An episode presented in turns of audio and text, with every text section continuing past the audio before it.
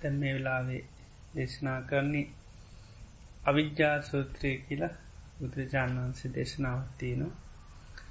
අවිද්‍යා භික්කවේ පුරිමා කෝටින පඤ්ඥායති. ඉතෝ පුබ්බේ අවිද්‍යා අහෝසි අතපච්චා සම්බග.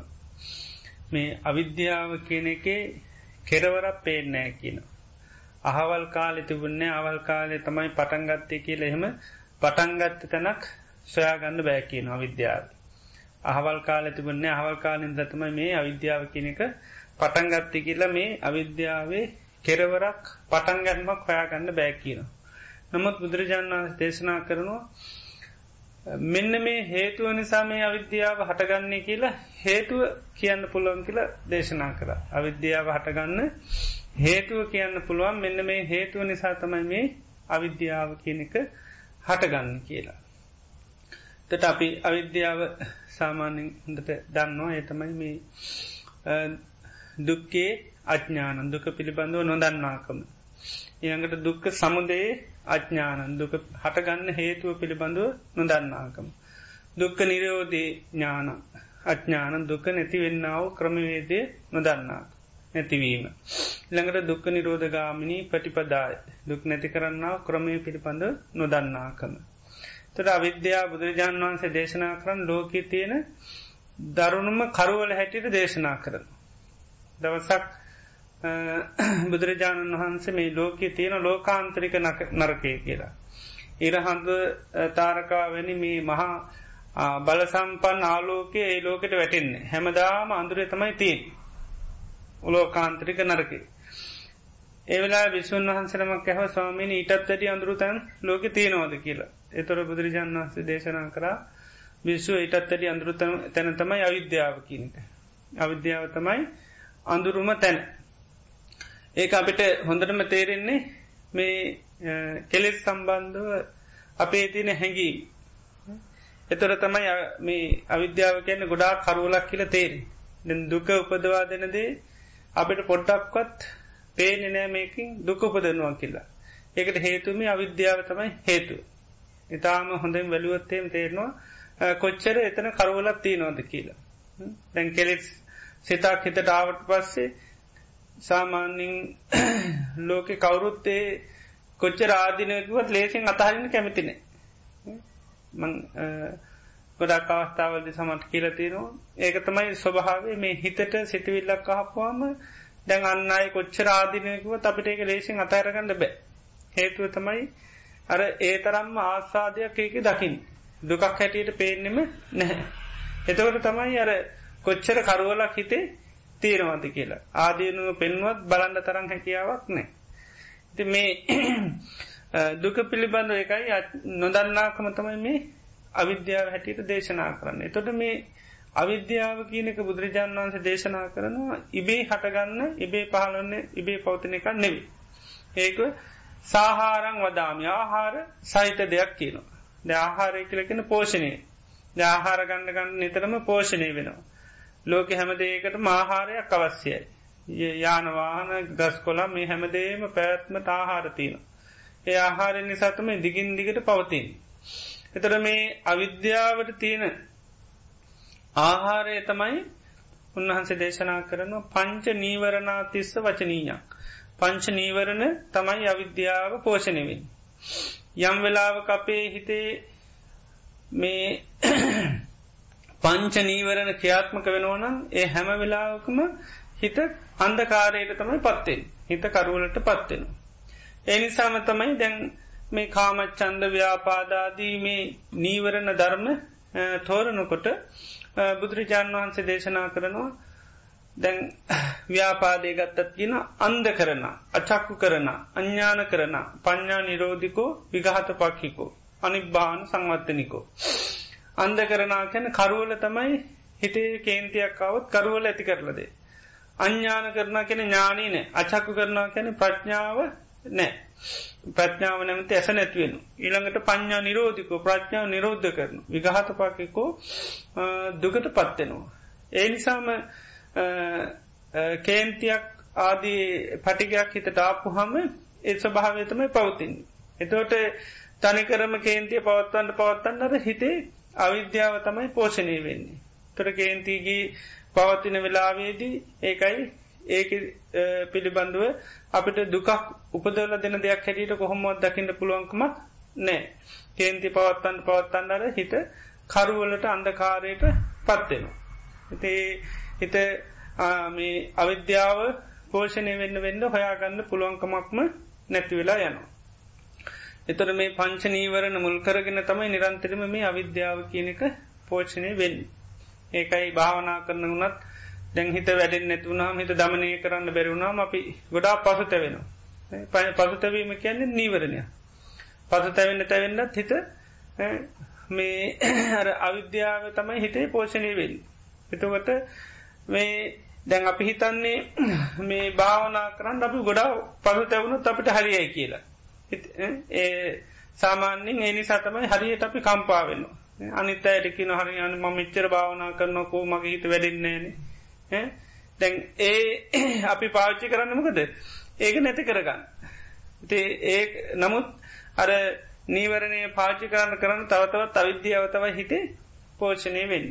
අපිට තියෙන්නේ පසතවීම නෙවේ ඒක හඳුනාගෙන සිහි පීටවාගෙන අයින් කරන්න. නමුත් අපිට අර හිත අවිද්‍යාව පෝෂණය වෙන නිසා නීවරණත් එක්ක ඒක හයාගන්න පුළුවන්කම නැත්වීම.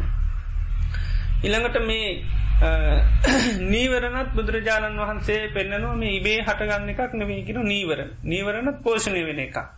නීවරණවලට තාහාරය ඇතින ආහාරය සකස්වෙන්න සකස් වෙන්න මොක දෙන නීවරණ බලගත්වයන.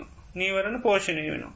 ඒ තමයි තීනි දුච්චරිතා නීතිස්ස වචනීයන් තිවිධ දුච්චරිත කියනවා. කාය දුච්චරිත වචී දුච්චරිත මනෝ දුච්චරිත මේ දුච්චරිත සකස් වෙන්න සකස් වෙන නීවරණ තමයි හිතේ වැඩෙත්.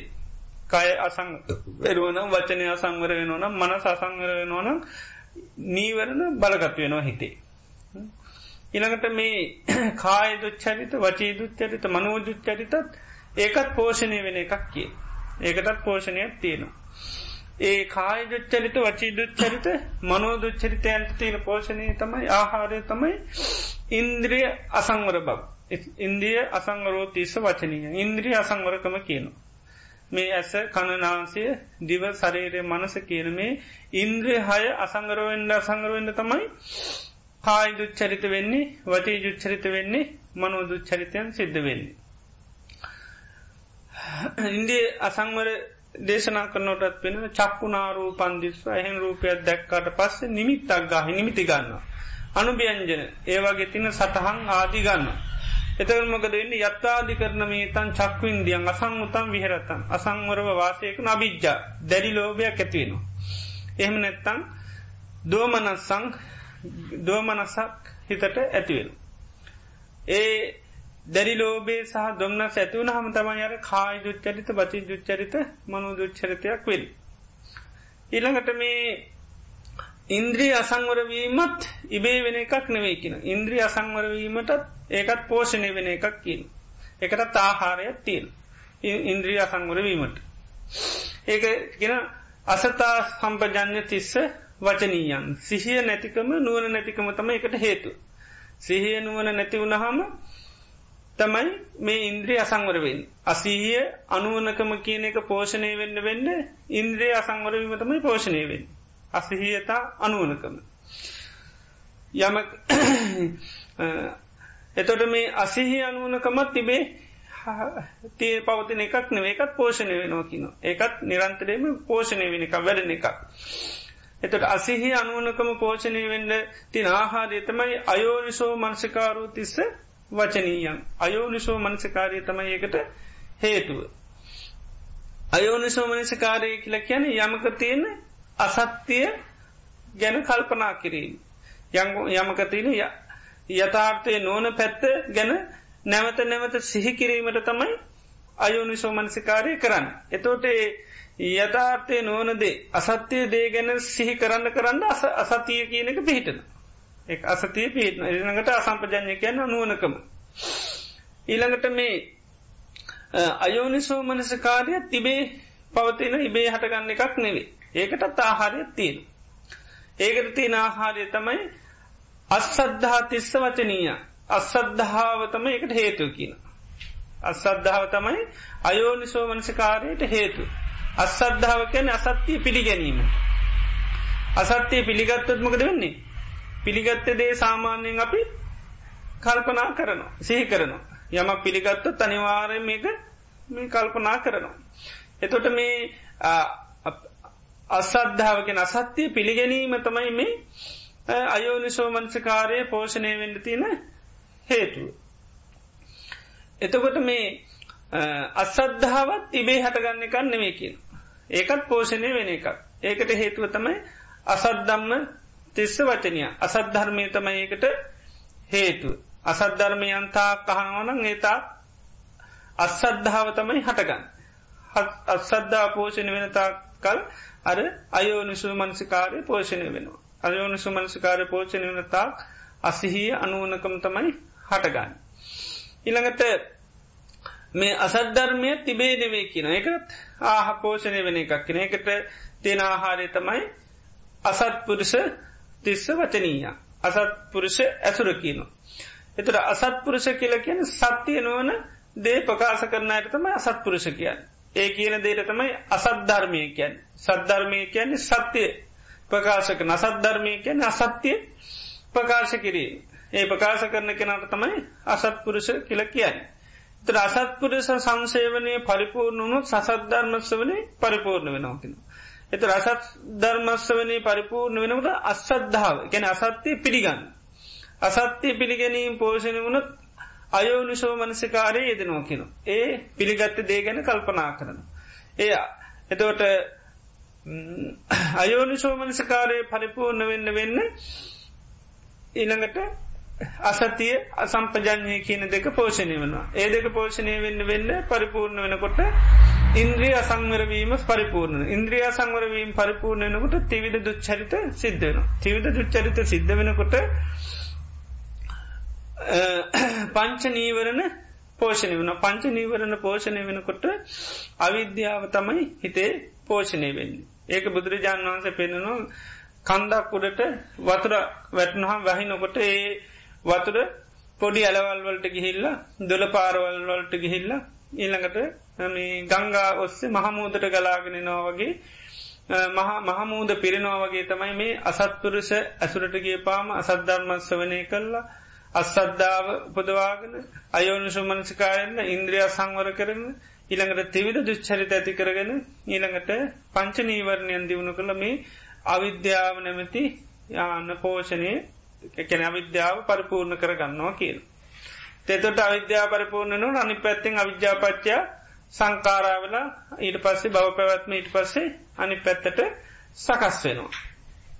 එතර මේ සාමාන්‍යයෙන් ලෝකයේ සංසාරය පුරාවටම සත්‍යයන්ට බහුල වසයෙන් ඇසුරට ලැබෙන්නේ අසත්පුට සැසුර. ඒ අසත්පුරුෂ ඇසුරෙන් නිතරම ලෝකයට සත්‍යය ඇහෙන්නේ නෑ.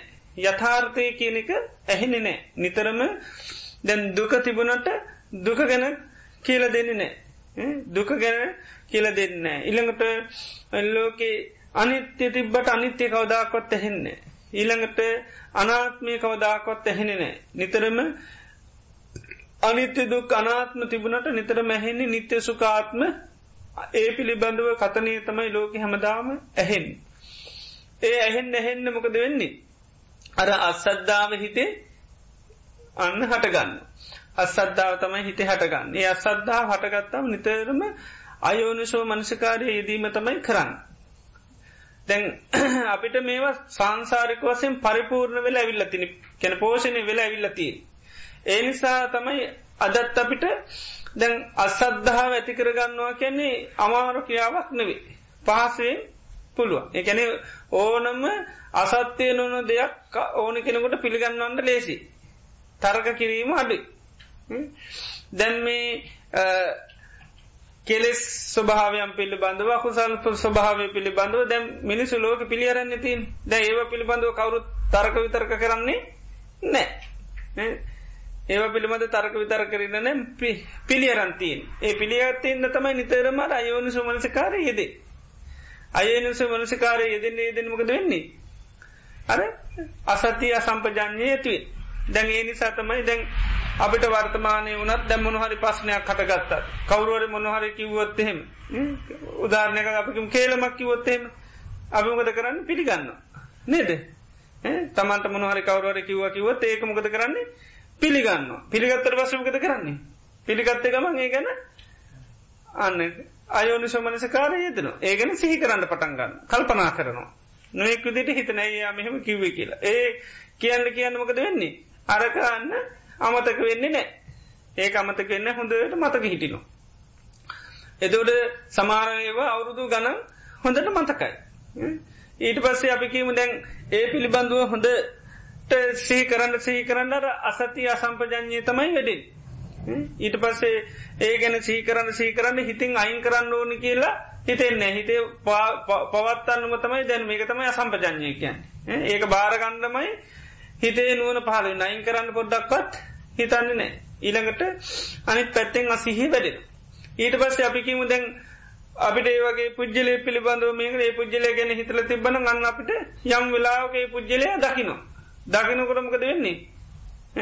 ආන්නේ දකිනකොට මන්න ඉන්ද්‍රිය සංගරයනවා ඊට පසමක දෙන්නේ ඇහැට දකිනකොට මන්න සමහටන්න කේන්ති හිතේ හටගන්න මන්න කේන්ති හිතේ හටගන්න ඊට පසමක දෙන්නේ ඊට පස්සමක දෙන්නේ එක ඔන්න දොම්නොස ඇතිවන හිතට. ඊට පස්සේ අන්න වචී දුච්චරිත වෙන්න පුළුවන් ඒම නැත්තම් මනෝ ජුච්චරිතයක් වරි එන්න පුළුවන් මට මෙහම කරාට හොඳක් වෙන්න පා කියලා හිතෙන්ට පුළුව නේද? එතට මන ජුච්චරිත ද ඒක මායාය හිතේ කියත්මකුණොත් ඒකත නීවරණවෙන් ඊට පස ඒකම අපි දැන් පටගයක් වෙන දේ පුද්ජල ගැනම තම ඊට පස වෙන ඒකත නීවරණ වෙනවා. කියෙන එතට හිත සම්පූර්ණයකෙන් වැහිර යනු ඊට පසමක දෙන්නේ ඒක කරන්න කරන්නන්න දැම් මේ දුකක් දුකක් කියලා තමන්තාවබෝධයක් තියෙනද නෑ. ආන්න එකයි දුක්කේ ඥානය නෑක අවිද්‍යා පෝෂණය වනවා කෑ ඉනකර මේ දුක හටගන්න මේ නිසයි කියලා දන්නෙත් නෑ. දැන්තම අයෝනිසු මනසකාරය යෙදෙන නිසාතමයි තමන්ට මේක පිළිබඳ ඥානයක් නැහැ. අනේ මේකෙන් මන් නිදහස්සනත් පුළුවන් මේක අයින් කරන්න කෙළ හෙමත් නෑ. ආන්න. ඒ සඳහා කළ යුතුද මාර්ගය දන්නෙත් නැහැ. හිති අන්න ඒ විදිහට මේ තමයි මේ අවිද්‍යාව කියනක හිතේ පෝෂණය වෙන්. එතර කුසල පැත්තෙත් බුදුරජාණන් වන්ස පෙන්න්නනවා විද්‍යා විමුත්තිං භික්ටවේ සාහාරං වදාම. විද්‍යාමුත්තය කියන එකත් ආහාර සහිතයි කියෙන විද්‍යාව කියල කියන්නේ චතුරාර් සත්‍ය පිළිබඳව අවබෝධය.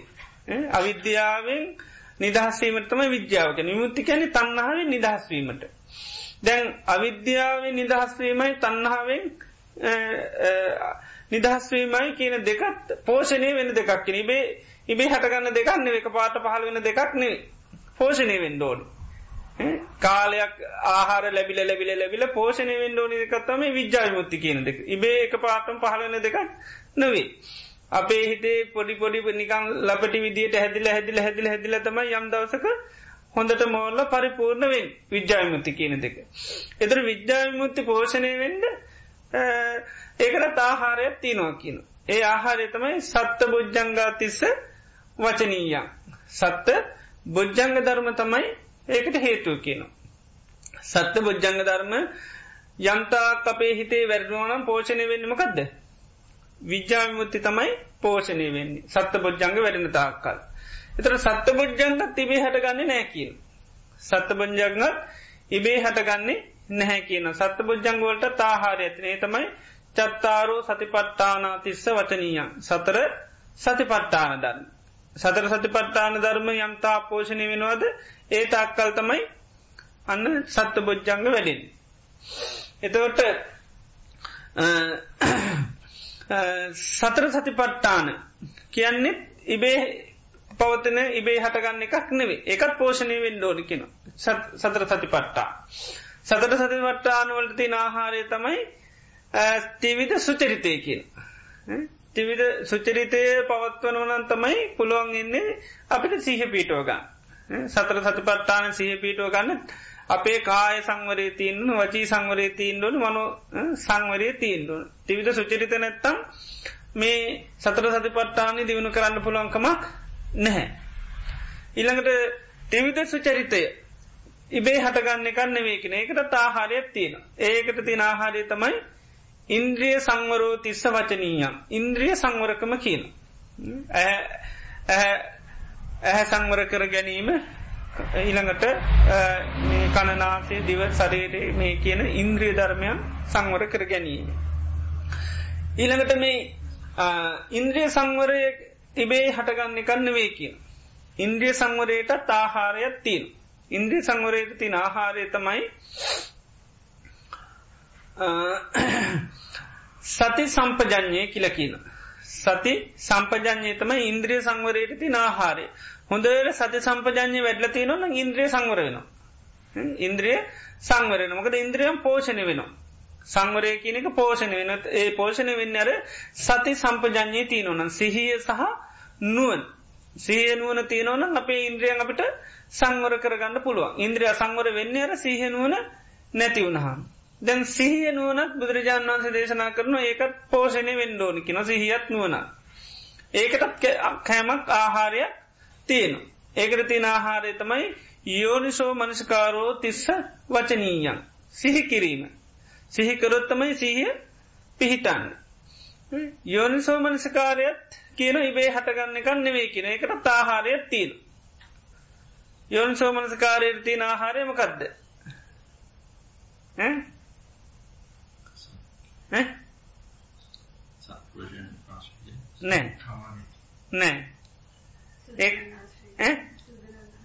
නෑ.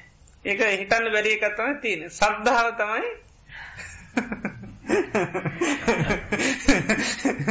සද්ධා තමයි යෝන සමන්ස්කාරයට තින ආහාරය දැටයක් හිතන්න අවරණ සද්ධා නිසා යොන සමන්ස්කාරය ඇතිනවාගේ නේද? සද්ධාව පෝෂණය වනත්තම යෝනු සමනසකාරය ඇතිවෙන්. එතට සද්ධාවටත් ආහාරයක් තිී. මොකදද?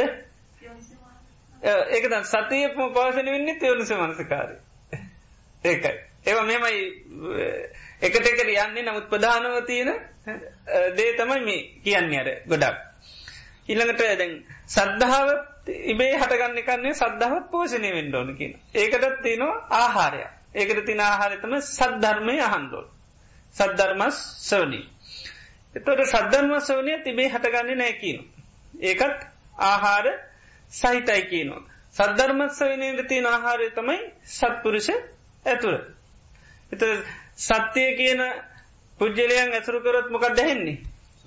සත්‍යය හෙනවා. ඒ සත්‍යය කියනයට තම සත්පුරුෂ කියල කියන්න. සත්‍යයට තම සද්ධර්මය කියලා කියන්නේ. සත්‍යය පිළිගැනීමට මොකක්ද කියන්නේ. සද්ධාව කියලකින සත්‍යය පිළිගත්තන එක සද්ධා.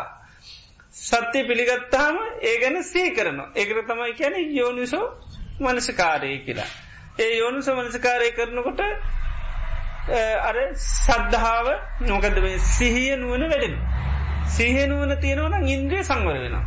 ඉන්ද්‍රිය සංවර වෙනකොට මොකද වෙන්න තිවිත දුච්චරිත වෙන්න නෑ.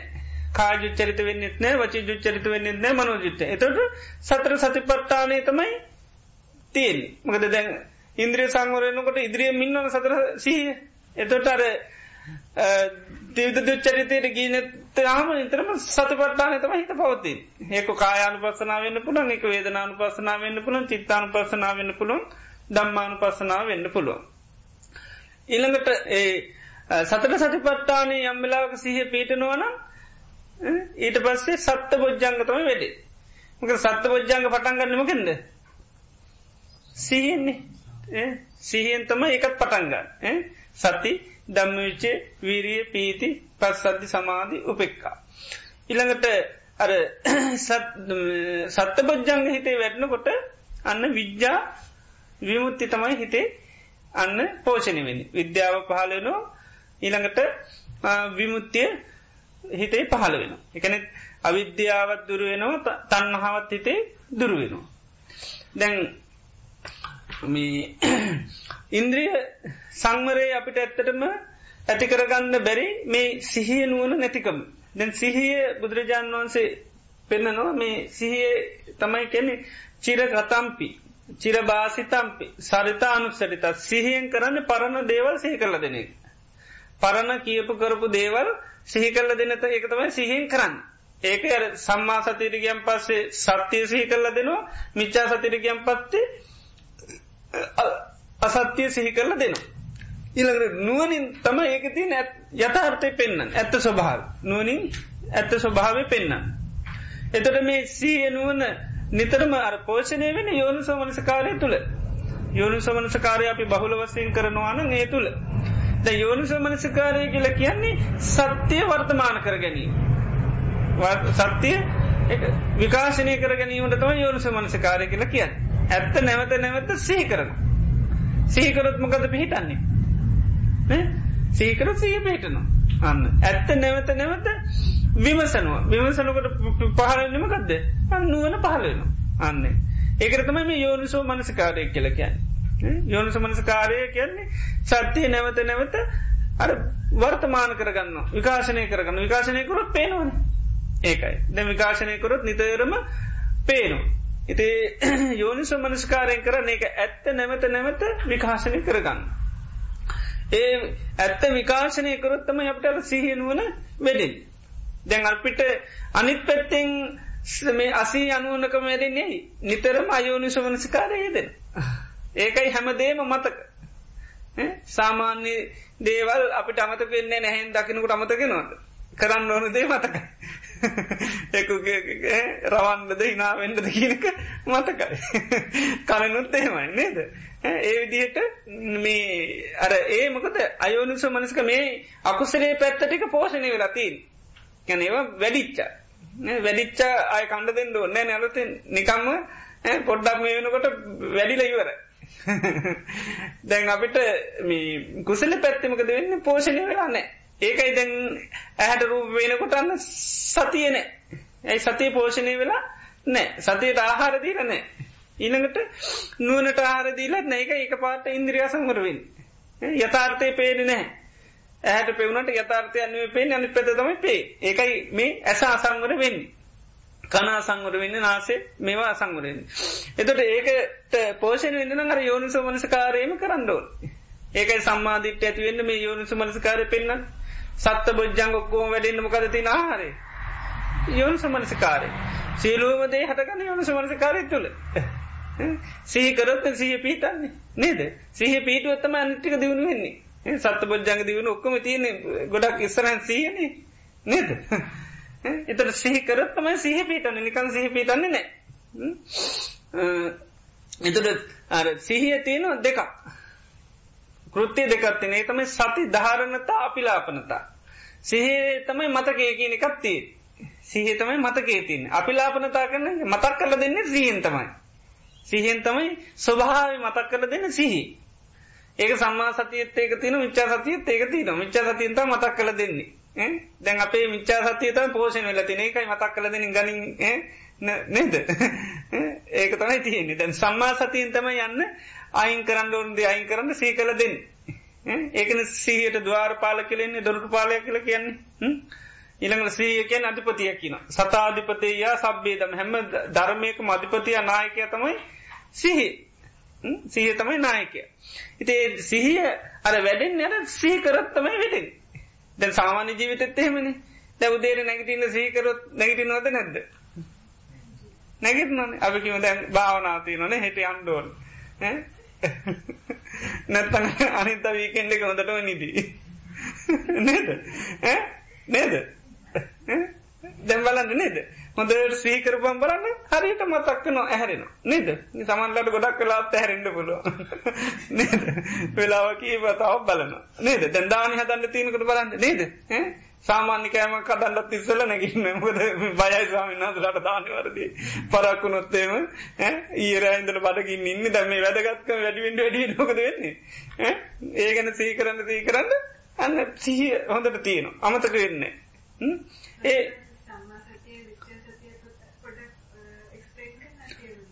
සම්මා කියෙන් නේර මනාකොට පිහිටිකෙන යථාර්ථය දකන් සීකල්ල දෙන්න පුළන් හැකියාවට තමයි සම්මා සත්තික ඇත්ත ස්වභාව.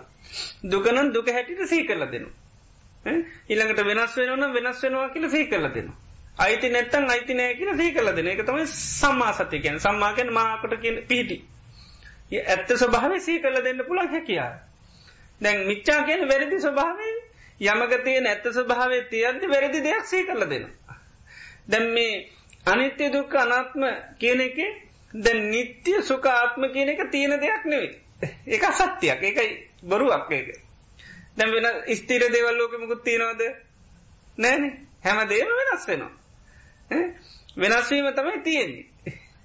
එතොට ලෝක අර පිළි ඇරන්තියනවා මේ තියනවා කියලා. ඒක කියනකොට තම එක තම අසත් ධර්මය කියන්නේ එම කියනවන් තියනවා කියලා එක බරුවක්. ඉළඟට දුක. දැකුසල් ගත්තාම දුක උපදල දෙන්නේ. ද සැපතිය නෝ කියලා කතා කරන එතර එක සත්‍යයක්ද? නෑ එක සත්‍යය. එක ඒක සත්‍යය නොවන දෙයක්. ඉළඟට ලෝකෙ මුකුත් කාටක් පාලනය කරන්න බෑ. ඒක ඇත්තද බරුවද බරුවා කාටවත් කිසිම දෙයක් පාලනය කරන්න බැහැ නේද? දැන් අපේ හිත ගත්තත් අපිට පුළුවන් ඒවා මේ විඤ්ඥාන මගේ හිත මෙහෙම වෙන්ඩෝන් ඒ පුළුවන්ද? දැම් භාවනා කරන්න කැමති හිතර පුළුවන් පාලනය කරන්න? අන කරල පානය කරන්න වේ නේද? හේතු සකස්වීම පාලනය නේරෙන්ට මේ බොහොමීට පංකිල කියන්න බෑ. නේද? දැන් ගෙතර සේවිකාව කරනම් කිවහැකි තීතට කියන්න බෑ. හිත එච්චරවත් අයිති නෑ. ඒ තරමට අනාත්මයි. ඉති ඒ සත්‍ය ස්වභාවේ මේ තියද්දි අපි අසත්‍යය සී කරල දෙනකට තමයි අර මේ අසතිය කියල කියන්නේ එකයි සත්‍යය නෙවේ සී කල දෙන්න අසත්තිය දුකත් තිබට අපිට සැපක් හැටිට පෙන්නල දෙනවා. සී කල දෙන ඕක සැපක් ගනින් ඒක තමයි ගණ්ඩියන්න අන්න එක ඒක තම අසතිය කියල කියන්න. එතකොට මේ සතිය කියල කියන්න අර දුක දුක හැටිට සී කරල දෙනවා. සිතවිල්ලක් කෙනකට මේක දුක් උපදල දෙන දෙයක් කියල සී කල දෙනවා. එතට තමයි අර කනට ඇහැන කන්න ඔන්න කන සංවර කරගන්න. ඇයි මේක දුකක්? එනිසා මම මේක හන්ඩියන්න හොඳන ද අපට ඒම මොකද වෙන්නේ? සද්‍යයක් තමන්ට බයිනව හෙමුණත් මොකද කරන්නේ? ඇහුන් නැත්තොත් ඇහන්ඩියනවානේ ඈ? තැන් අර සීකර දින්න අහපන් කියීල මොකක්ද කියන්න කියලා නේද? ස්වභාවයකයි තැන් බලන්න අපිට මොනවාරි කියනවා කිව තැහුන් ඇතුර තැන්න දහන්ඩ යනව නේද? මොකක්ද කියන්නේ කිය නේද? ඒක සංවර කරගන්න බෑමකද අසි අසතීන් කරන යහන්ද ආන්න එකයි. අහන්න ඕන කියල තමයි සී කලද ඒක යන්න හන්ද ආපුවාම තම යන්න නිමිති ගන්න ආමට අරය මෙහෙමත් කිව මං කරී නෑනක නේද? මේ බොරුවට බලන්ද ම කරපු නැතිවට බයිනවා. අන්න නේද? ඕර්න හොඳක් වෙන්ඩ එපා කියල ඉති දුච්චරිතයක් කළ ඉවරයි. නේද? ඒ තරමට සියුම්ම වෙනවා. අන්න. එතටර සීහ තිබ්බනම් හන්ඩියන්න ආන සුතේ සුතමත්තන් ඇහුවත් ඇහ විතරයි. මොනවදකි දහන්ඩ යන්නේ? නෑ. ආන්නේක නමුත් අපේ සභාව අහන්ඩුවන මොකක්ද කියලා. දැන් හොඳට කවුරරය ඇවිල්ල කියන ඔයාට මෙහෙම කිව්වා? කෙනෙ කිවොත් මොකක්ද කියලා අන්නද මොකක්ද කිව කියලා අන්නද ආන දැක වෙන්ඩන සුතේ සුතමත්තා. මොනෝ කිවත් කමන්න නේද? අපිට වැඩත් දාලා. වැඩක් නෑහලා නමුත් අපි කැමති මොකරද අහන්ඩ තමයි කැමති. ඒකයි දුකට ඒක කැමති. දැන් මේ දුක පොදන දෙයන්නේ අහන්දන්නේ ඒක තේරෙන්නේ ඒක අපිට තේරෙන්නේ නෑ ඒතරම් සීහනය කියන්නේ එක එතරම්ම සීහනෑ ආන්නේකයි ඉති මේ එතොට මේ අර සිහිය උපදව ගන්න රඟ එකයි අර යෝනු සෝමනසිකාරය කරන්නට ඕන. යෝනු සෝමනසිකාරය කැන සත්‍යය නිතරම විකාශනය කරන. ඇත්ත විකාශනය කරොත් මකද වෙන්නේ? පේනවා. අන්න ඒක පේල්ල පටගන ඒ පිටිබඳ සිහිඋපදිනවා සිහිකරොත් නිතරවෙනි සිහිපදනයක මක්වේ දැන් හොඳට සීකරොත් නැගටින්ට කියලා නැගෙන්. ඒවගේ තම මේ දුක සහිතදේ දුකක් ඇති අපි ආදීනෝ සී කරනවා. ඒ ආදීන සී කරන කරන්න අන්න සිය පිටනු. අන්න ඒකයි. දැන් අකුසල්න අප ඒක ආදීනු එතට මොක දෙන්න අට සීහ පීටන. එතෝට මේ යෝනු සෝමනසකාවේ ඉබේ හටගන්න එකන්න නෙවේ කියන. යෝනු සමනසකාරය හටගන්නේ සද්ධාව. සද්ධාව කැන සත්‍යය පිළිගණ්ඩෝන්. සත්‍යය පිළිගත්තොත් තමයි අන්න සී කරන්න පුළුවන්. යථාර්ථය අපි පිළිගණ්ඩෝන්. ඒ පිළිගත්තොත් තමයි සිහි කරන්න පුළුවන්කම ලැබෙන්නේ. දැන් සද්ධාව කියලකිවහම ස්ථාන් දැන් අපිට ලොකෝ දෙයක් ඇටිට සාමාන්‍ය ලෝක දකින්නේ නෑ. දැන් සද්ධාව හරියටම පරිපූර්ණ වෙන කාටද. මන මකෙන කොයි මාරුපල්ලාවින්ටද හරිටම සද්දා පිටන්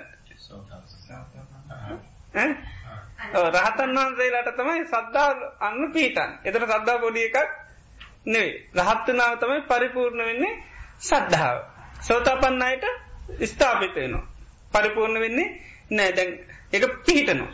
පරිපූර්ණ වෙන්නේ රහත්වනාම තමයි පරිපූර්ණ වෙන්නේ. මකද අනිත් අයට අනිද්දේ පිළියර ගන්න ඕනේ ඒක සී කරන්න ඒකයි. සද්ධාව තියෙන් ඕන්. එ සද්ධාව කියල කියන්න මකක්ද කැන සද්ධහති තතාගතත් බෝධ. බුදුරජාන් වන්සේ අවබෝධ පිළිගැනීමට තම සද්ධහ කියන්න. අවබෝධය පිළිගැනීමට තමයි සද්ධහකෙන් අවබෝධය පිළිගත්තොත් තමයි ඒක සහි කරන්න. දැන් සාමාන්‍ය ලෝක බුදුරන් වන්සේ අවබෝධය පිළිගන්නවාද නැද්ද. ලේසින් පිළිගන්න නේද? ලේසින් පිළිගන්න නෑ දැන් මේ ඒකන ධර්මය කියනකට මිනිසුන්ගේ තර්කතීන් එහෙම වෙන්න කොහොම දරය වෙන්න කොහමද? නේද? දැන් අනි දේවල් කියනකොට එම කේලමක් කිවොත්තේ මේ ඒවට තියනද නෑ. ඒව කියපු ගම් පිළිගත්තා. මේ ඇති තමයි නේද? වාද විවාද කොට තියෙන්නේ. ධර්මය කියනකොට තමයි හරි ආදීනුව කියන්නේ. නේද? දැන් භාවනා කරන අපූ භාවනා කරන්න යන්න එපා. දැයි නේද? ඒ මොකද? භාවනාව කියන එක තමන්ගේ ආධ්‍යාත්මික සුව පිණිස තියනවගෙන මිනිසු පිළිගන්න. නැත්තන් තමන්ට කර ගන්න බැරීනක වෙනම කතාවක්. තව කෙනකොට ඒකට අපලන්න යන්නේ නේද? එතට බලන්න මේ සත්‍යය ලෝක පිළියරන්න තේන පිළිගන්න තාක්කල් කාටවත් යෝනු සමනස කරය දෙෙන්ට බැහැ මකද යෝනු සමනස කර පෝෂණය වෙන්න මකද පිළිගත්තත් තමයි පිළිගත්ත දේ තමයි සහි කරන්න. ඒක හරියට පිළිගත්තත් ඒදේ ඊට පස්ස සේ කරනවා. දැම් පිළිගන්න කැමති නැති නිසා තමයි අර යෝනු සමනස්කාරය දෙන්න බැ යෝනු සමනස්කාරය දෙන්න ඇතම් සිහිනුවන වැඩෙන්නේ නැහැ. එතකොට මේ දැන් අපි සාමාන්‍ය දැන් සද්ධාව ගත්තාම දැම් සාමාන්‍යෙන් තියනවා. දැම් බුදුරජාණන් වහන්සේ සමාට මිනිසුන්ගේ තියනවා බුදු කෙනෙ පාලුනා කියලා පිළියරන් තියනවා ඒක අපිතරන්නේ මේ අන්‍යගන් අයත් පිළියරන් තියනවා. නේද? අපේ වෙනත තියෙන බුදුරාමුදුව හොඳයි කියලා මිනිසුන්ගේ අපේ මිනිසුන්ගේ තියෙන පුලන් ඒම නමුත්තර දැන් නියම සද්ධාව තමයි උන්වහන්සේගේ අවබෝධය පිළිගැන ඉති අවබෝධය සද්ධාව පිහිටවා ගණ්ඩෝට ඉබේ නෙවේ පිහිටවා ගණ්ඩුවන් ඒ පිහිටියෝ ගත්තත් පිළිගත්තත් ඊට පස්සේ සේ කරන්න පුළුව ඉළඟට සද්ධාව බුදුරජාන් වන්ස පෙන්නනේ අර කුළුනක් වගේ කියන නගරේ තියෙන ඒශකා තම්බේ වගේ කිනවා නගරේ නිතර මායින් කනුවක් හිටවනු. ඉත ඒකෙන් තමයි නගරේ මේක තියෙන්. ඒවගේ තමයි අර සාාවකයන්ටත් බුදුරජාණන් වහන්සේගේ ධර්මය හැනකුට ඒක හොඳට වල්ල ගණ්ඩුව. එතවනමක දෙන්නේ. දේශසීම හොදර තියනවා. සීකරන්න ඕනි දේ දන්නවා. සීකරන්න ඕනි දේ දන්න හොඳට වල්ල ගත්ත නැත්තමක දෙන්නේ. සීකරන්න මායිමක් නැතිනවා. එතට එක එක වසී කරනවා. මොක දෙන්නේ එක එක වසී කරන්න කියත් මොක දෙන්නේ එක එකව තමයි මතක. හරි දේ මතක නැතිවෙනවා ඉලක්කෙට මතක නැතිවෙනවා අන්න එක යථාර්ථය හරියටම අමතක මතක් වෙන්නේ නැහැ. එතොට මේ සද්ධාව ඇතිවෙනි සද්ධර්මස්ස වනේ කරු ඉළඟට සද්ධර්මස්ස වනේ සත්පුරු සැසුර තර මේ සද්ධර්මස්ස වනය කරලා අපි අට සද්ධාව කෙනක පිහිටුව ගන්න ඒකන සාදු සද්ධා පතිට්ටිතාකැන් සද්ධහ පිටු ගත්තුරනම් හරිම හරි. දැන් අපි කියමු දැන් අපිට දැන් ආලඇති දෙදා විතක්ක කියල සූත්‍රයතින් අහතින නේද? විතරක කොටස් දෙකකට බෙදල ඒ පිළිබඳව ආදීනු සීකරන්න කිය ද බෝසතාණන් වහන්සේ බෝසත් කාලේ ඒක කරලා තියන ඊට පස උන්වහන්සේයට තමන්ග විතර්ක ජයගෙන තියෙන හිතට හටගන්න. විතරක ජයගෙන තින අපි දැන් කිම අපිට දැන් ඒක හන්ඩ ලැබෙනවා. ඔන්න සත්පුරු සැතුර සද්ධර්මය හන් ඊට පසමකක්ද කරන්නඩුවන් සද්ධාව පීටු ගන්න. මේ විදිහට මම සිහිකරත් මගේ විතර්ක ජයගන්න මට පුළුවන්.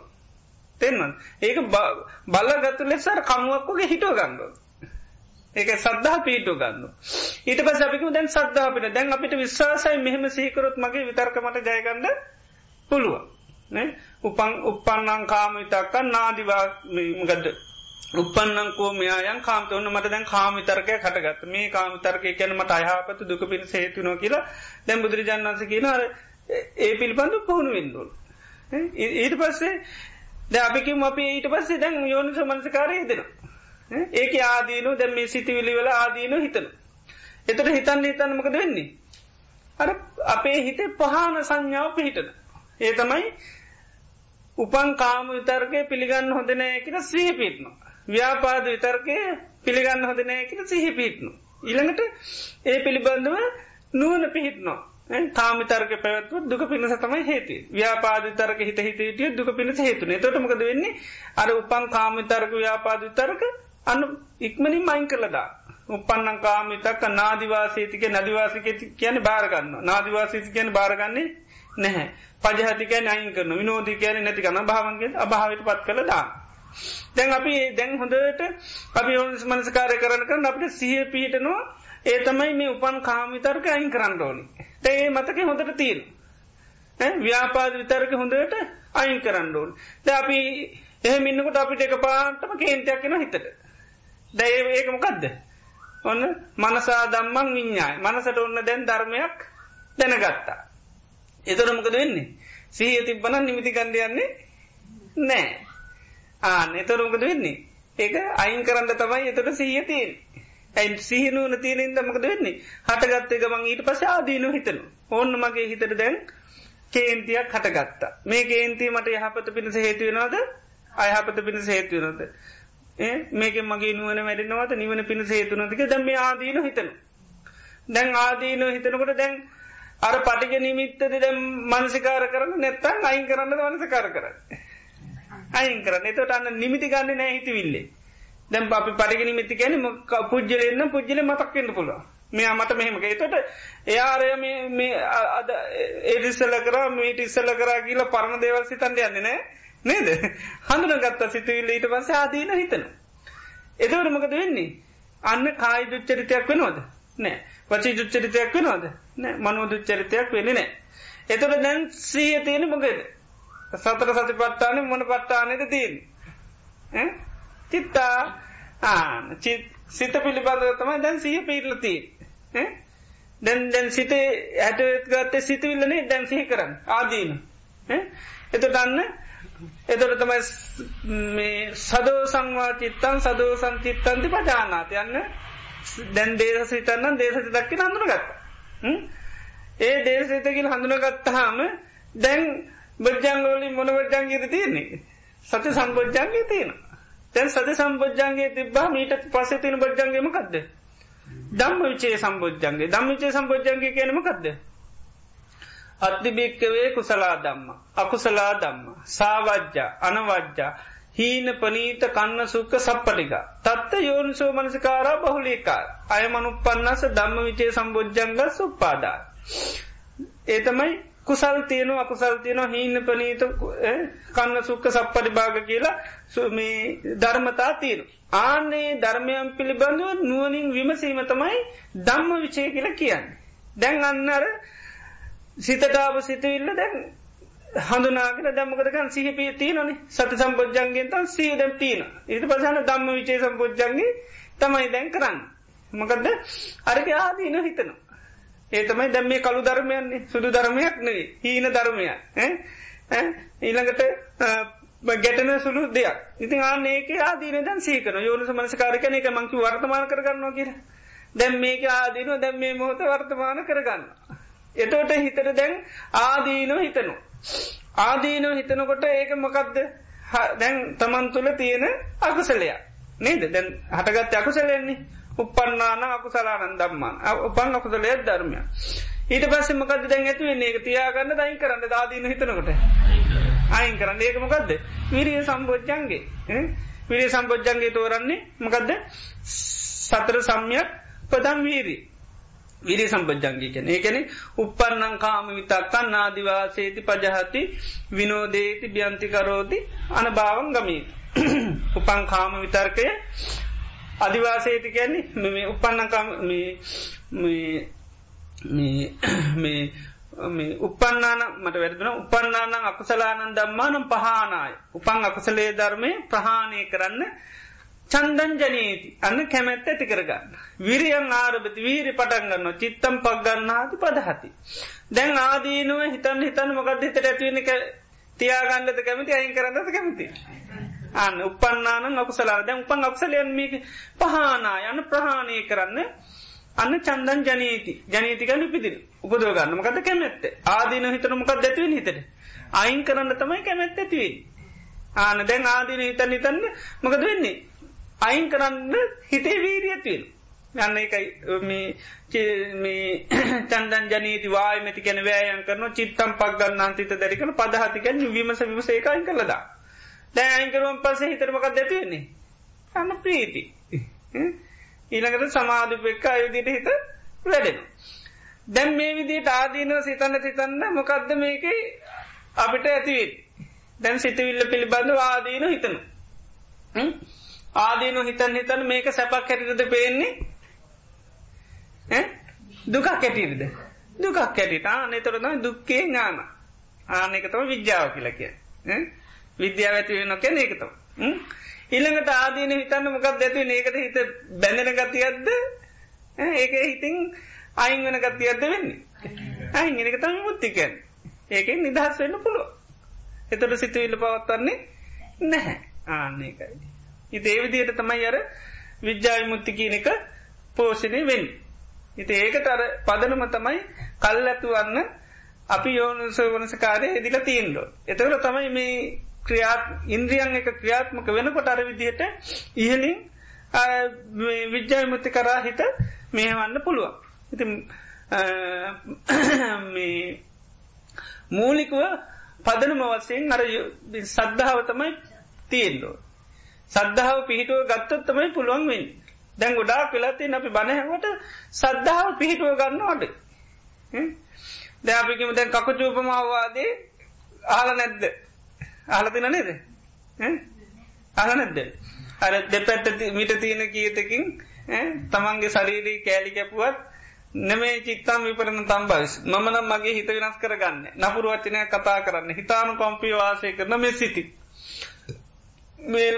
මේ මගේ කෑලි කපනයට ලෝක හැමෝට මම මෙස්සිත වඩ එහෙම නොකරත් උන්වහන්සගෙන මගේ අනසාසනා පිළිපදින කෙනෙක් නෙවේ තින් කියන මේ විදිහට යම් කිසි බිස්වා නිතර නිතර සිහි කරනවන ඉවසන්න බැරි වචනයක් නෑකි. දැන් එහෙම දේශන දැන් සමාර එලාට හල තියෙන පුළුව. තැන් කවරුත් කැමති නේද පටිගේ නැති කරන කැන ගැට නැතිවෙන්ට ඉවසන් හරි කැමතින. නේද. ඉවසන්න හරි කැමති. දැන් ඔන්න බුදුරජාණන් වන්ස ඉවසන්ද කියන ඉවසන්න බැරි වචනය නෑකන මේක සීකරු. දැන් මේක සිහිකරොත් එහෙම ඉවසන්ඩ බැරි වචනයක් නෑ කියන. දැන් මේකයි සද්ධාව අන්න එන්ඩෝඩි දැන් සද්ධාව ඒකම සද්ධාව ගැන කුළුණ මායිම.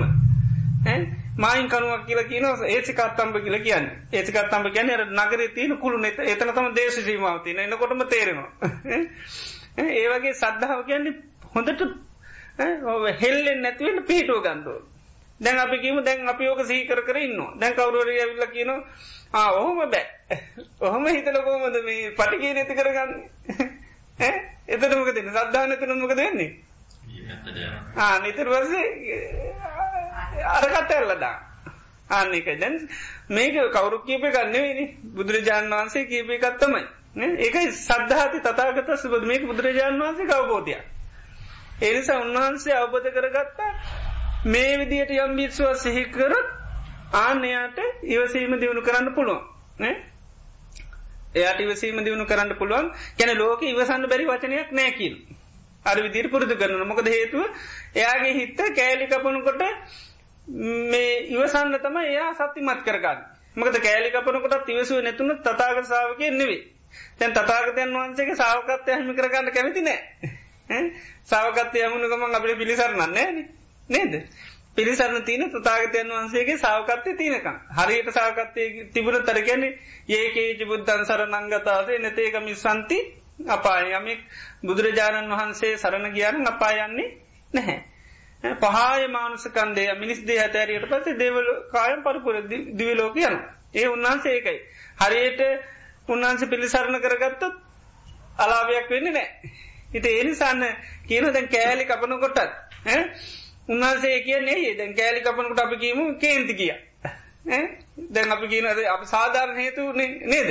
ඇ කෑලි කපනට කේන්තිගේ සාධාරණයි කිය ඇති නේද? ඕමත්ව සන්න පුළුන්ද කිය නේද? නේද? දැන් සාමාන්‍ය ලෝකේ කෑලි කපනකට ඉතින් කේන්ති කිය අට කිවොත්තේම ඉතින් කෑලි කපනකට තිවදන මේ කත්ති හොන කියලායි නේද? අපි කිමදැන් කේන්තිීම් මැරුණ. මොකද වෙන්නේ?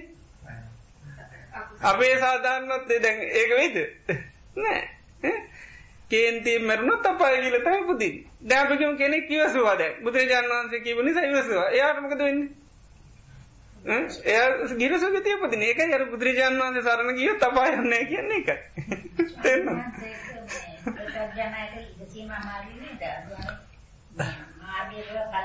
එක තෙන්න නෑ නෑ ඒකන මේ කෑම කණ්ඩකැන් පෝෂණයෙන්ද පෝෂණය කරගන්න. සීය නැති පසනින්දන තියෙන්නේ.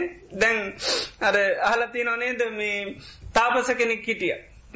මේ අර අත්පා කපනකොට.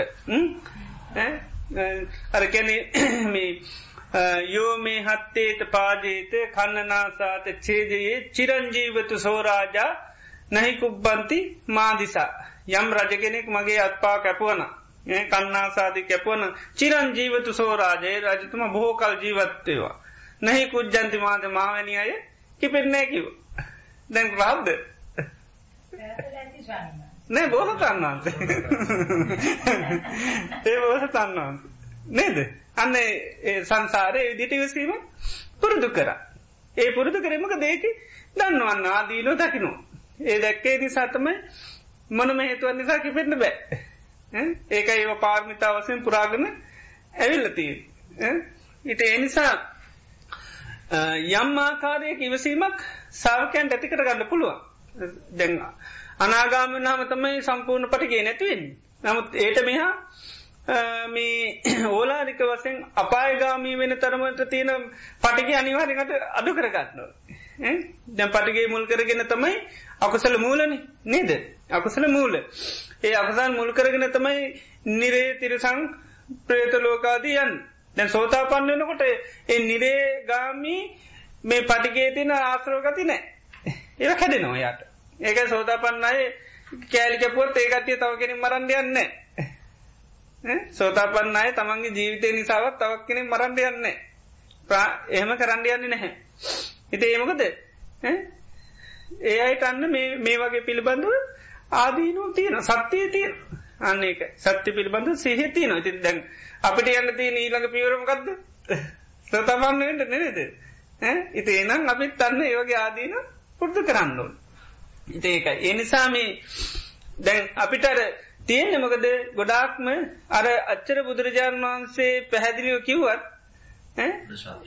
සද්ධා නැතිද තම අප කරන්න. ඇත් ඒකයි ප්‍රධාන ගැටලුති කෙන අපේ සද්ධාවනිකන් ගිහිල් හැම තැන්ට හැමදේම පිළිගන්න එක විහිදිල ගිහින්ති ඒකයි තියනට බුදුරජාණන් වහන්සේ ඉලක්ක ගත්ත සති සද්ධාවක් නෑ. තැ සමහරාගම් වලා හිට තින තමන්ගේ සාව කැන සාතෘන් වහන්සේ ඉලක්ක කරගත්ත සද්ධාවත් තියෙන ඒට හයා දේවල් කරන්න යන්නේ දැන් නොේ දේවල් ලෝක තියන්න පුළුවන්. ඒවක් අල්ලගෙන තා මිනිසු කැන බැයි ඔක්කොම් පිළිගන්නඩෝ ජීවත්වන්න නේද? නවත් ධර්මය කරා යනකොට ඒ කතා බෑ. කැනෙ අනිවාර්යම බුදුරජාණන් වහන්සේගේ ධර්මය පිළිගන්න ඕන්. ඒ පිළිගත්තත් තමයි යෝනි සමස්කාරය ද මිනිස කියන්නේ මම පිළිගන්න අවබෝධ වනාට පස්ස කියලා කියන්නේ. ආලතින එති අවබෝධනට පස් අවල්දය කර පිළිගන්නේ?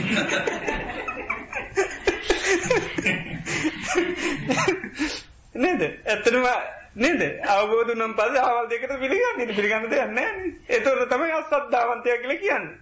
දැනවාතන් වහන්සට කියන්න අස්සද්දෝ සද්ධාවන්නෑ කියනවා. ඒයි පිළිගන්න. දෙයන්න දැන්. පිළිගැනීමේ කෘත්තිය ඉවරයි.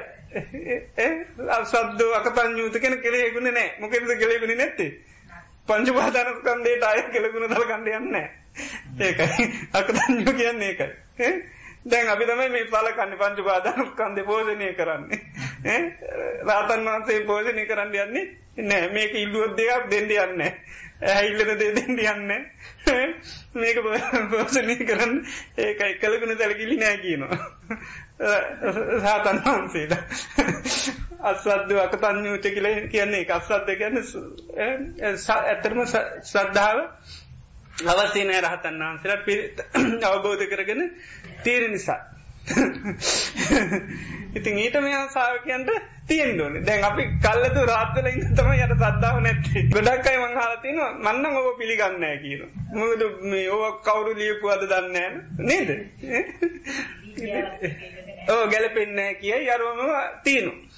ඉතින් ඒ නිසා තමයි අර අපිට සාාවකයන් හැටිට විශේෂයෙන්ම ධර්මය ගොඩ පැතිකඩයක් මොලදී අපිට දැන් මේ සාමාන්‍යයේ කැනෙ දියුණුවක් පත් සමරලාට නොලබන්ඩ බැරිවෙල තිරේ සද්ධාව මධිකම තීර පස්න තමයි තිය අපි ලොකු දේවල් කරන්න යනුවර බුදුරජාන් වන්සකපු පිළිවෙලට පිළියරගෙන යන්න කැමතිනේ දැ උන්වහසකින න ආදිකේ වඥා ඒකට මුලිම රහත්කම නෑ කියන එකන එක පිළිගන්නඩන අපි පලවිම රාත්කම ඇති කරගන්න නෑකට ද පිළිගන්නේ මුලින් ඇති කරගන්න බලන රහත්කම නැමුදුරජාන් වහන්සේම කියරන්න ආදිකේ වඥ මුලින්ම රහත්කම අඥා කැනෙද රහතන් වහන්සේ රහත් භාව මුලින්ම නෑ කියන අනුපුබ්බ සික්කා අනුපුබ්බ කිරියා අනුපුබ්බ පටිපඩා පිළිවෙලට යන්න ඕන කියන මේක.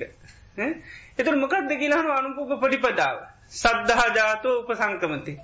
අන්න පිළිවෙල පලවිම සද්ධාව උපදවගන්න සද්ධහා ජාතකයන් සද්ධා හටගත්තු උපසංකමතික නිලබෙනවා. උපසංකමන්තෝ පයුරු පාසතයතු ටැසරු කරනු. පයු පාසන්තෝ සෝතන් හොදකං යොමු කරනු. ඔහිත සෝතු දම්මන් සුනා දිරි පස බනහනු. ඉළඟට සුත්වා දම්මන් ධාරතීට වස කියප බල මතක තියාගන්න. ඉළඟට දතානන් දම්මාන අත්තුූප පරිකත යන්න. ඊට පසමකද ඉගෙනගත්තේ අර්ථ විමසන එක තම යොමසමංසකාරකයන්. අත්තුූප පරික්කත්වයක් සති. අර්ථ විමසනකටමකද වෙන්නේ දම්මාන නිජ්‍යානක්කමන්ති ධර්මය වැටහෙනවා. දම්ම නිජ්‍යානකන්තය සති ධර්ම වැටහුණු මොකද වෙන්නේ චන්දෝ ජාතිකම ඇතින. චන්දෝජාතෝ චන්ද හටගත්ත උත්සහති උත්සාහ කරනවා. උත්සහිත්වා තූලේති. තූලේති කැනි තුලනය කරනගෙන කිරනවාගේ. කුසල්ල කුසල් විමසල්ල බලන්න කිරණකොට ඔන්න තේරෙන වැඩන්නෑ කියර අයින් කරන බොල්ටික. පොලනවාගේ තමයි. විමස මිස බලන්නකොට එන්න ආනේ තුළනය කරනකොට තමයි මේ ධර්මය අවබෝධ කරගන්න පුළුවන්කම ලැබේ එතුට මේ ඒකයි සද්ධාවෙන් යන්න තිය ඒකන සද්ධාවතම හැමතනම මුලට තියෙන් සද්ධහ ඉන්ද්‍රී සද්ධහා බල්ල සද්ධාය තරති යෝගන් සද්ධාවෙන් තමයි මේ ෂඩ පහර තරණය කරන්න තින සද්ධාව එති ඒ නිසා මුලින්ම තියෙන සද්ධාව සද්ධාව නැතු ලොක බුදු දහමතය මොකක්කත් කරන්න බෑ සද්ධාව නැතු දැ අපිට බාහිර දෙයක්ව සද්ධාව නැතු කරන්න පුලන් ද ඔක්කම සද්ධා පීටුවගෙන තම කරන්න. එක තේරෙන්නේ. දැන් ගණනක් ඉගෙන ගන්න කොහොමද? ගණනක් හදන්න ඉගෙන ගන්නේ ඒ විෂයක් ඉගෙන ගන්න මොකේ පිහිටාගෙනද? විශ්වාසය තින්නේ නේද? තේතොට නිකං කිවතු ආමන්නම් පිළිගන්න ම ගණන් ගදන්න එතට කාදාකක් ගණන් හතයිද නේද? ද ඒවට ඔක්කම එකයි මං ඒව පිළිය රන්තින සංසාරය මේ ඇත්ත කියනකට තමයි පස්සනති ඇත්ත පිළිගන්න ඇති නෑ ඒකයි තියෙන හොඳටම බලන්න දැම් මේ මිනිස්සු තර්ක කරන්නේ බුදුරජාණන් වහන්සේ කැනෙ ධර්මයත් එක්කන නේද? තැන් ඔය අනිත් කෙලෙසේ කොච්චර වාද කරනවාද කියල බලන්න. මන්නං ඔපෝ පටිගේ පිළිගන්න කේලම් පිළිගන්නම කිය නතු මිනිසු නෑ. නේද? තැන් බලන ධර්මයත් එක තමයි තියෙන් හොඳට බලන්න වාද ව්‍යාද තියෙන මොකක්ද? දැවයි අසාමාන්‍ය ලෙස සමට විද්‍යා කරුණු තින කවුරුත්තවත් එක තරක කරනවා උල්කාපාත් පාත්වනකුත් බාරගන්නවරන්න නේද? ඒවත් එක නෑන මුකුත්. හොඳර බලන්න නේද? ඒවත් එක ඇත්තටම කිසි පස්නයන්න අපට ඕනි දෙයක් ඒ වගේ හිතාගන්නත් බැරි දේවල් පිළිගන්න. හැබැයි ධර්මය එක තමයි ප්‍රශ්න තියන්නේ. මොකද සත්‍යයට හරි අකමැති සංසාර පුරා. එනිසා පිළිගන්න කැමතිම නැහැ. ඒකයි බුදුරජාන් වහන්සේ අර පිළිවෙලට සාාවකයන්ට අවබෝධ කරගන්න පොඩි කරුණු කියලතින නමුත් ඒ කිසිව පිළිගන්න තැන්කිනු බුදුරජාන් වන්සේ දේශනා කරන ඉත්ති ඉත්‍යාවා පුරසේනවා ගහටයනවා පබ ස්ත්‍රී පුරස ගිහි පැවිදි හැමෝම්. ජරාදම්මෝම්මි ජරම්මා අනතීතෝති. මම ජරාවට පත්වෙන. ජරාව ඉක්මුල නෑ කියල ස්තේ පුරිස ගිහි පැවිදි ඔක්කෝම සේ කරන්න කියල. නිතර අබින්නම් කියලා ගැන පාලින් නිතර. පච්චවකි තබ්බන් කියැන සේ කරන්න කියලා. දැන් සේ කරනවාද? නෑන නේද? ඇයි ජරාව කියන්න කවරුත් දන්න කන්නේ රෝග දී කරන්න දෙයක්කයි නේද? නේද? ඇකමැති දෙයක්. කනකෙති දන්නවන් දිරනවා කියලෝක නේද? නේද? නමුත් දිරනකොට සීය පීටෝ ගන්න බලුවන්ද සීහ පීටනවාද දිරනකොට සාමාන්‍ය ලෝකට මං කැරේ දරවය දන්න ඇන මිනිසඳ සහ පීටනවාද නෑ. දැන් කියන ලෙඩ වෙනවා කියෙන නිතර සහි කරන්න කියරු ව්‍යාධි දම්මෝම ව්‍යාධිමාන තීතෝති අබින්නම් පච්චුවකි තබ්බං ඉත්තියාවා පුරුෂේනවා ගහත්තේනවා පපජිතේ. ස්ත්‍රී පුරිෂ ගිහි පැවිදි ඔක්කොම තමන් ලෙඩ වෙනවා කියන නිතර සිහි කරන්න කියන. එතරමකද වෙන්නේ? සීකරත්මකද පිටන්න. මේකයි ලෙඩෙනවා කියලා සහ පිට නොනේ දැන් ලෙඩ වුණට පසේ සීකරත් සහ පීටනවා නැද්ද. පීට නොන දැන් සීකර නැතුනත් මකද වෙන්න? සහ පිටන්නේ එතරමකද වෙන්නේ? ලෙඩුුණට පසමකද වෙන්නේ? දරාගන්න බැතුරමකට ගරහ කරන්න. දාන ධර්මට කරයා කරන පිනට කරණයක් අපි විච්චර කර අපිට නෑ මොකුත් තරමිනිසුව නේද? නේද? ඒ වෙනවන නේද? අහලඇතින සමහරලා අපි මෙච්චර කර ඇයි අපිට මෙහෙමුණේ නේ දේවිදිත් නෑ නේමක දර සිහි කරන්න සීපී ඉනකරකිනු තමා සතු ප්‍රියමනාප දේව වෙනස් වෙනවා නැතිවෙනවා කියල ස්ත්‍රීපුරස ගිහි පැවිදි හැමෝම ස්ත්‍රී පුරස ගී පැවිට හමෝම නිතර සී කරන්න කියෙන මා සතුයම් ප්‍රියමනාප දෙයක් තියෙනවන වෙනස්සල නැතිවලා නො කිය. නිතර සී කරන්න කියන. දැයම සීකරත්මක දෙන්නේ. අර ප්‍රියමනාපයි කියන දේ පිළිබඳ සිහියක් උපදිනවා. ප්‍රියමනාපෙල්ල තීරමකක්ද අපිට. වෙනස් වෙන දෙයක් නැතිවන දෙයක්ත්තම ප්‍රිය වෙලතිී. එතට ප්‍රියමනාප දේවල් පිළිබඳ තින දැඩි චන්දරාගේ නැතිව. තැන් ප්‍රිය දෙයක් නැතිවෙන. එතුරමකද වෙන්නේ. අන්න බාරගණඩ පුළුවන් ඒක ආන්නේකයි. අපිගෙන පොඩි දරුවේ අපෙන් නැතිවුණ එදොට අපි හරියට සී කරල තිබන අපට පස්නයක් කරන්නේ දරාගන්න පුළුවන්කම ලැබෙන ඒ සතම බුදුරජාන් වන්සේ කාලේ අහලතින බඳුළු මල්ලික නේද එකම දවසේ දරුව තිහයි මහත්තය ඔක්කොම් මැරුණා පිළිගත්තද නැද්ද ඕ නැ පිළිගත්තමකක්ද සත්‍ය පිළිගත්තය සත්‍ය පිළිගත්තේ? නෑ. දැල්ලීමාවට පසමකද කියවල ඉනේ ගහන දැන්දාවන බෙදෙනවා. දැම්මලගයක් වුණාද? සීය තිබින්ද යන්තම් බේරුණනේ නැත්තම් මළගයක් කරන දානගයක් වෙනවාද? ලියව් හම්බිනකන මළගයක් වෙනවා. නේද? දැන් ලියව් හම්බිල මළගයක් බවට තාම් පත්තුන්නේ මොකද? එයාගේ සීය තිබෙනින්ද එයාට සී වුණ. මොකදද? සබ්බේමේ පියෙහි මනාපේ නානා භාවිනා භාව සියලුම් පිය මනාප දේවල් වෙනස්සෙනවා කියලා සී වුණා. යන් ජාතම් භූතන් සංකතම් කංකුතෙත්ත ලබ්බා කියනවා. හටගත්ත දෙයක් නැතිවල වෙනස්සල යන කොහොම ලබන්ද ලබන්න බැරිදියන් ලබන්නදේ ලබාගන්න බැරුණයි කියල පස්න නෑන ලබාගන්න බැරිදේල් ලබාගන්න බැරුණා කියල පස්න නෑන ලබාගන්න පුරුවන්දයක් බැරිවුණුන්ට පස්න්නේ නේද? දැන් ලබාගන්න බැරි දෙයක් ලැබුන්නෑ කියල පස්න ඇති නද නැහැ ලබාගන්න බැරි දෙයක්න. දැන් හඳ ලබාගන්න පුලන් දෙයක්ද බැරි දෙයක් බැරි දැ ඕක ලැබුන්නෑ කියල පස්න ඇතිනද නෑ නේද? ඒවගේ තමයි මේ හටගත්ත දේවල් පවත්වනවා කියන ලබන්න බෑ කාට ඉතින් අන්න ඒනි සතමයි කම්පවුනේ නැහැ. ඉතින් සැරිත් මාරතන්න සැර මේකක් වෙනකට සී කල දුන්න. ඉතින් මේ නැගිරි නොයි කැඩන බිදනව කැරල බින්ද යනක ස්වාමන ඕකම ගත්ත කියලා මේ වෙනකට මහත්තය දරුවතියයි මැල්ල කිව අන්න බලන්න. ඉති එතුර දැම අරහත් කෙනෙකුත් නෙවෙනි නේද? ගෙදර ඉන්න අම්ම කෙනෙ ඉති එකනෙක් නෙමේ දැ දරුවතියන් මරුණ කිය නිතාගන්න පුළුවන්ද කෙලවන දරුවතියයි මහත්තය නේද? පොඩි මේකක් නෙවෙනි අන්න බලන් දර හිට සත්තුමත් ඕන ඒමක දර අන්න යෝර සමංස්කාරය එදිල තිබෙහින්ද? සිහ පීටිය වෙලා ඇහැට මේ ලිපිය දකිනකොටම සී ඒකයි චක්කුණා රූප නිමිති ගන්න කිය අනි දැම් මොකක් ඉතින් දන්දීල වැැක්කයි දැන් ඉතින් කියල දරස් ගල අපි නං ජනි පදන තැරේ නේද? සැරියුත් නාරතන් වහන්සේකින් අහ ඊට පස් ස්වාමිනි මේ මොක දුනේ කියලා. දැම්මම් මේ දන් දෙනවා ආශිර්වාද අපිට නැත්ත කියලායි ඕ නේද? දැම් බලන්ඩ නේද? දැන්ගේ පොඩි දේවල්ලු නට බලන්න. ඒවයිදීයට සීපීටිය තැ අපි සමාරලාට ගොඩ දේවලත් කරන ඕගේ පොඩි දේකට සමරලාට සීපීටන්නේ නෑ ඇයි අපි මොකද මුලින්ම ආදිකය වංගන? මුලින්ම රහත්කමන තම අපේ වෑයම අපි පරිසරය හදාගන නෙවේ යන්නේ. ඉති ඒ නිසා ඒක අර බුදුරජාණන් වහන්සේ යම් පුංචි දෙයක් කිවත් අපි ඒකයි සද්ධාව තියෙනනම් ලොකුවට එක බාරගණ්ඩු ඒක මෙම බුදුරජාන් වන්ස ඉත්තේ පුරිසගේ පැවිදි හැමෝම සී කරන්න කියනට පැවිදන් විසන සී කරන්න කියන දැන් ජරාව මර ලෙඩවීම ද මේ පොඩිකාර පොඩිලමයි දන්නේවා නේද?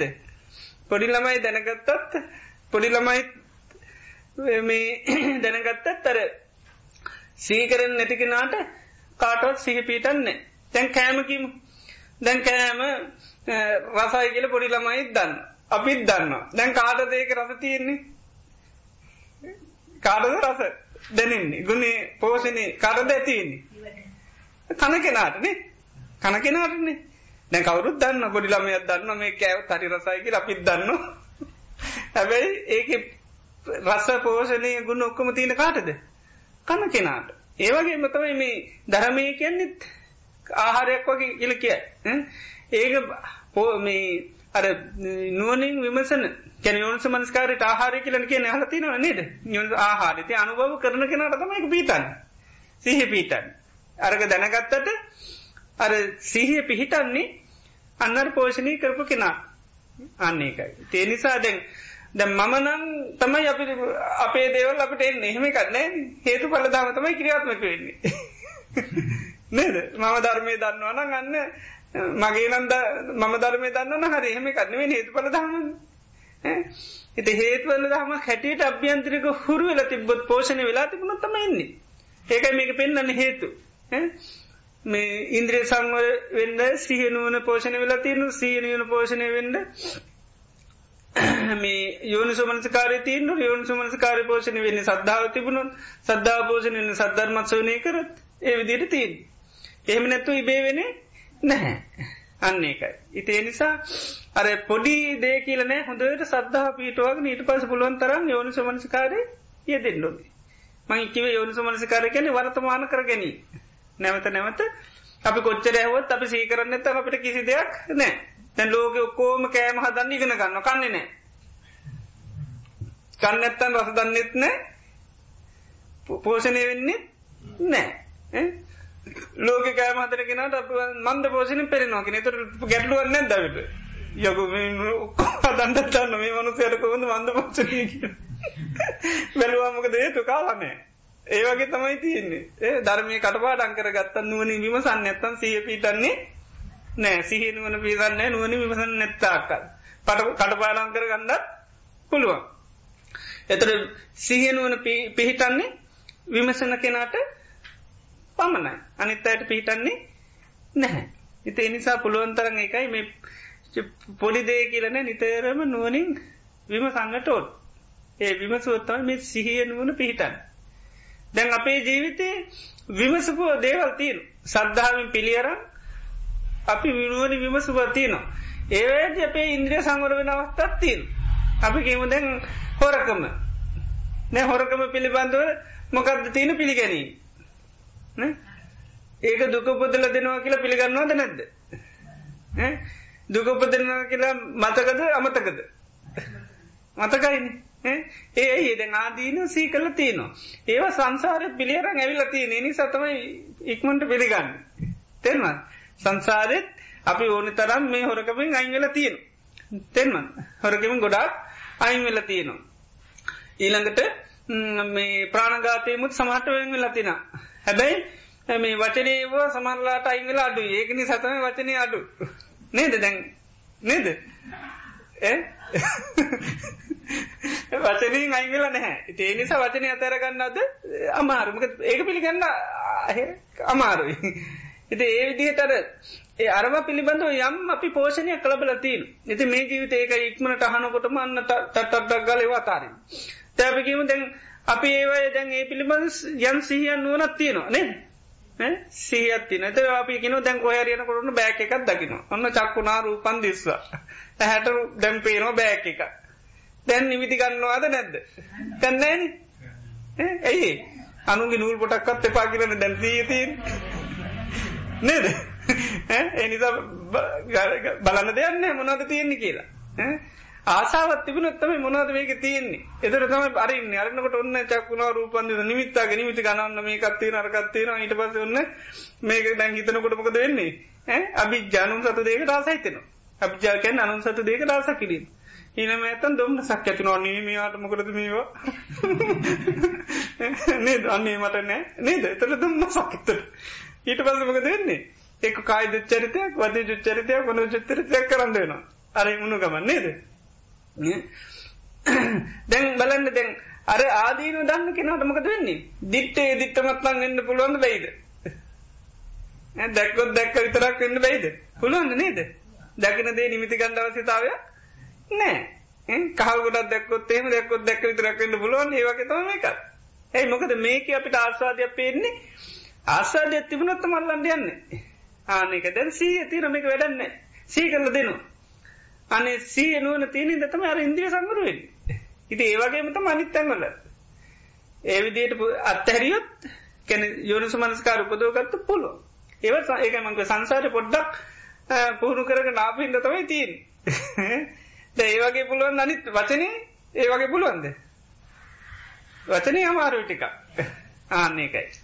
වචනේදී ඒ අත්හැරීම තාම කල නැති වචනේදීත් ඒවගේ කොහොමට පුරුදු කරත් ඒවිදිට පුළුව ඒවගේ තම සිතිවිලි සම්බන්ධුව අර ආදීන හිතුවත් ඒවිදිටම පුළුව එති ඒකට ඒකයි අර බුදුරජාන් වහන්සේගේ ධර්මය ඒක පිළි අරගෙන ආදීන ඒකයි බුදුරජාන් වන්සේ නිතරම හැම දේම කියෙන් පච්චවෙක්කිත්තා පච්චෙක්තා කායන කම්මං කාතබ්බා පත්තේශා කර කර කයින් කරන්න කියන. පච්චයකිත්වා පච්චයකිත වාචායකම්මං කාතබ්බ. සීකර කර කරන්න කියන. ඉලන් පච්චයකිත්වා පච්චයකිත මනසාකම්මං කාතබ මනසින් දේවල් කරන්න කිය. තේ පත්තේශා කරන්න කරන්නමක දෙන සිහි පීටනු. ඒක යනුම ගාන කරලා අවසානය හට සී කරන්න කිය. එත දේ හැම තැනදීම සිහි උපදෝගන්න එකයි කරන්න. අභිමකද කරන්නේ කරලා අවසානය සිහේ උපදෝ ගන්නේ. පස තැවීම තම ඇති කරගන්න නේ කාලකන්නයෝ මගේ නේද? මං මේ මීතුවන්නේ නේද? ඒම තව සමරලාට එන්නේ. නේද? පස තැවෙනවා නැ පසතවෙනනේ සී උපද ගන්නයි බුදුරජාන්නස් කිය. එතට මොකද නර නීවරණ වැඩ නැත්ත නීවරණ ඇත්තමයි වෙටින් එතට අවිද්‍යාව තමයි පෝෂණුවෙන් අර පසතැවීමත් එක පෝෂණය නමකත් අවිද්‍යාව. ද පසතවනත් ආයත අර කවබෝධ කරගන්න නේද? ඒකයි වෙන්නේ. දැන් අරක පිළිබඳ සහ උපද ගත්තු තර විද්‍යාවිමුත්ත තම හිතේ වැඩෙන් ඒක මේ මංකිව මුලින්ම විද්‍යාමුත්ති කියන පෝෂණය වෙන දෙක නිතරම පෝෂණය වෙනවා. එතට එක පාට වෙන දෙයක් නෙවේ අපට එක පාටම කවද හරිම විද්‍යාවිමුත් පාසනනේ පෝෂණය වෙන දෙයක්. ඒක විද්‍යාමිතුම්බිකේ සාහාරං වදාමිකන එක ආහාර සහිතයි. ඉතින් කාලයක් කරනකොට ටික ටිකද මේ විද්‍යාමුති දෙක පෝෂණය වෙනවා. ඉතිේ නිසා තියෙන බුදුරජාන් වහන්සේ ඉලක්ක කරගෙන යම් දේශනා කරු බණතීන ඉලක්ක කරගෙන. කැන මේක කරොත් ඔබලට මේම වෙන ආන ඉලක්ක කරගෙන දේශනා කරපුවා පිළිබඳ හොඳට සද්ධහ පිටවාගෙන හොඳට සීකර සීකරන්න කරන්න අන්න කාලයක් කනකට සහි පිටු මංගේ ධරකිවේ දැන් මේ ජීවිතයට ජරා මරණ සෝක පරිදේව දුක්දුම්න්න හටගන්නකොට බුදුරජාන් වන්සේ කියන විමසන්න කියලා. ඒමට මේ ජරා මරණ සෝක පරිදේ උදුක්දුම්ල සටගන්න මොකක්ද හිතරගෙන උපදී පච්චය කෙලෙස් නිසා තමයි මට මේ දුක හටගන්න කෙලෙස් නිසා තමයි මේ දුක හටගන්න එතට අපි නිතරම දැන් ඕක සිහිකරොත්තේම දැන් අපි නිතරම සිහි උපදවගන්න එකන මගේ ජීවිත විවිධාකාර පස්න ආරවුල් මෙව එනවා. ඇයි මට මේක හටගන්න එතට අපි දන්න උපදිපච්චය කෙලෙස් නිසාතම හටගන්න කෙලෙස් තියන තාක්කල් මේ දුක හටගන්න කෙලෙස් නැතුනොත්තමයි නැතිවෙන්. දැ අපි හොක්ක නිතර සීකරත්මකද වෙන්නේ. තැන් අපිම දුක හටගන්න මොකක්හරි එතවට අන්න සීපයෙක් නො. එතොට මොක දෙන්නේ. අර බාහිර ලෝකෙත් එක්ක තොට ගැටුම නෑ. තැන් කලින් අපිගේ මොකකරි කවුරට ඔයාට මේම චෝදනාවක් කරනවා දැන් හැ එතොටමකද වෙන්නේ කෙලෙස් කෙලෙස් නිසා හිතට දුකක් ඇතිනට කෙලෙස් නිසා තමයි මේ දුකාට ගත්තේ දැන් කෙලෙස් නිසා යන්න නේද? නේද? ආනේ විදියට සිහි උපදව ගන්න පුළුවන්. එනිසාම යෝනු සුමනසකාරය කරොත්තම යර සීයනුවන පිහිටන් ඉති යෝනු සුමනසකාරය කරන්න අර සද්ධාව හොඳට ඇති කරගන්න දැන් ඒවගේ දේවල් පිරුව හොඳ සද්ධහ පිටුව ගන්නවා. ජනම අපි මේ සෝක පටිදේ දුක්දුම්න්නස් වලදී නොසැලී ඉඳනම් මේ විදිට හේතු හරි අවබෝධ කරගත්තු නොසැලී ඉන්න පුළුව ඒක සෝතා පන්නයට ඒවගේ පස්සනනකොටම බාහිර ලෝකෙත් එක මේකක් නෑ. ඒකයි බාහිර ඇදහිලි සාතුරුවරු පස යන්න ඇගැන එකයි දුක හටගන්නකට හේතු දන්නවා. ඒක අය කාගෙන්වත් පරපත්ති අපරපච්චය කියලා හරතින සෝත පන්නයි අනුන්ග පත්තියක් නෑ ඒකන තමන්ගේ දුක කටගන්නකට තර්ගම සීපේත්නු. මක දේක අර තතාගත ධර්මය පිළියරන් එය අවබෝධ කරගන්න ඉන්න කෙනෙක් සම්මාධිට්්‍යිය තුළ ඉන්න කෙනෙක් නිසා. ඉතාන්නේ විදිට අර ඉලක්ක කරගෙන අදාර බන්න තියෙන ඒවා හොඳට සද්ධා පිටවන් හොඳට යොනු සමන්සකාරය කරන්න එතවට ටිකටික අන්න සීහනුවන දියුණු කරගන්න පුළුවන් වෙනවා. එතොට තමයි ඉන්ද්‍රිය සංවර කරගන්න පුළුවන්කව ලැබෙන සීහනිවන තිබුණත් තමයි. නැත්තං කොච්චට දරි මොටිකාගත්තා සමල්ලට පැරියෙන්. අදාළ ආහාරය දීර තීන්දෝනි පෝෂණය වෙලා තිීන් අන්නේ එකයි.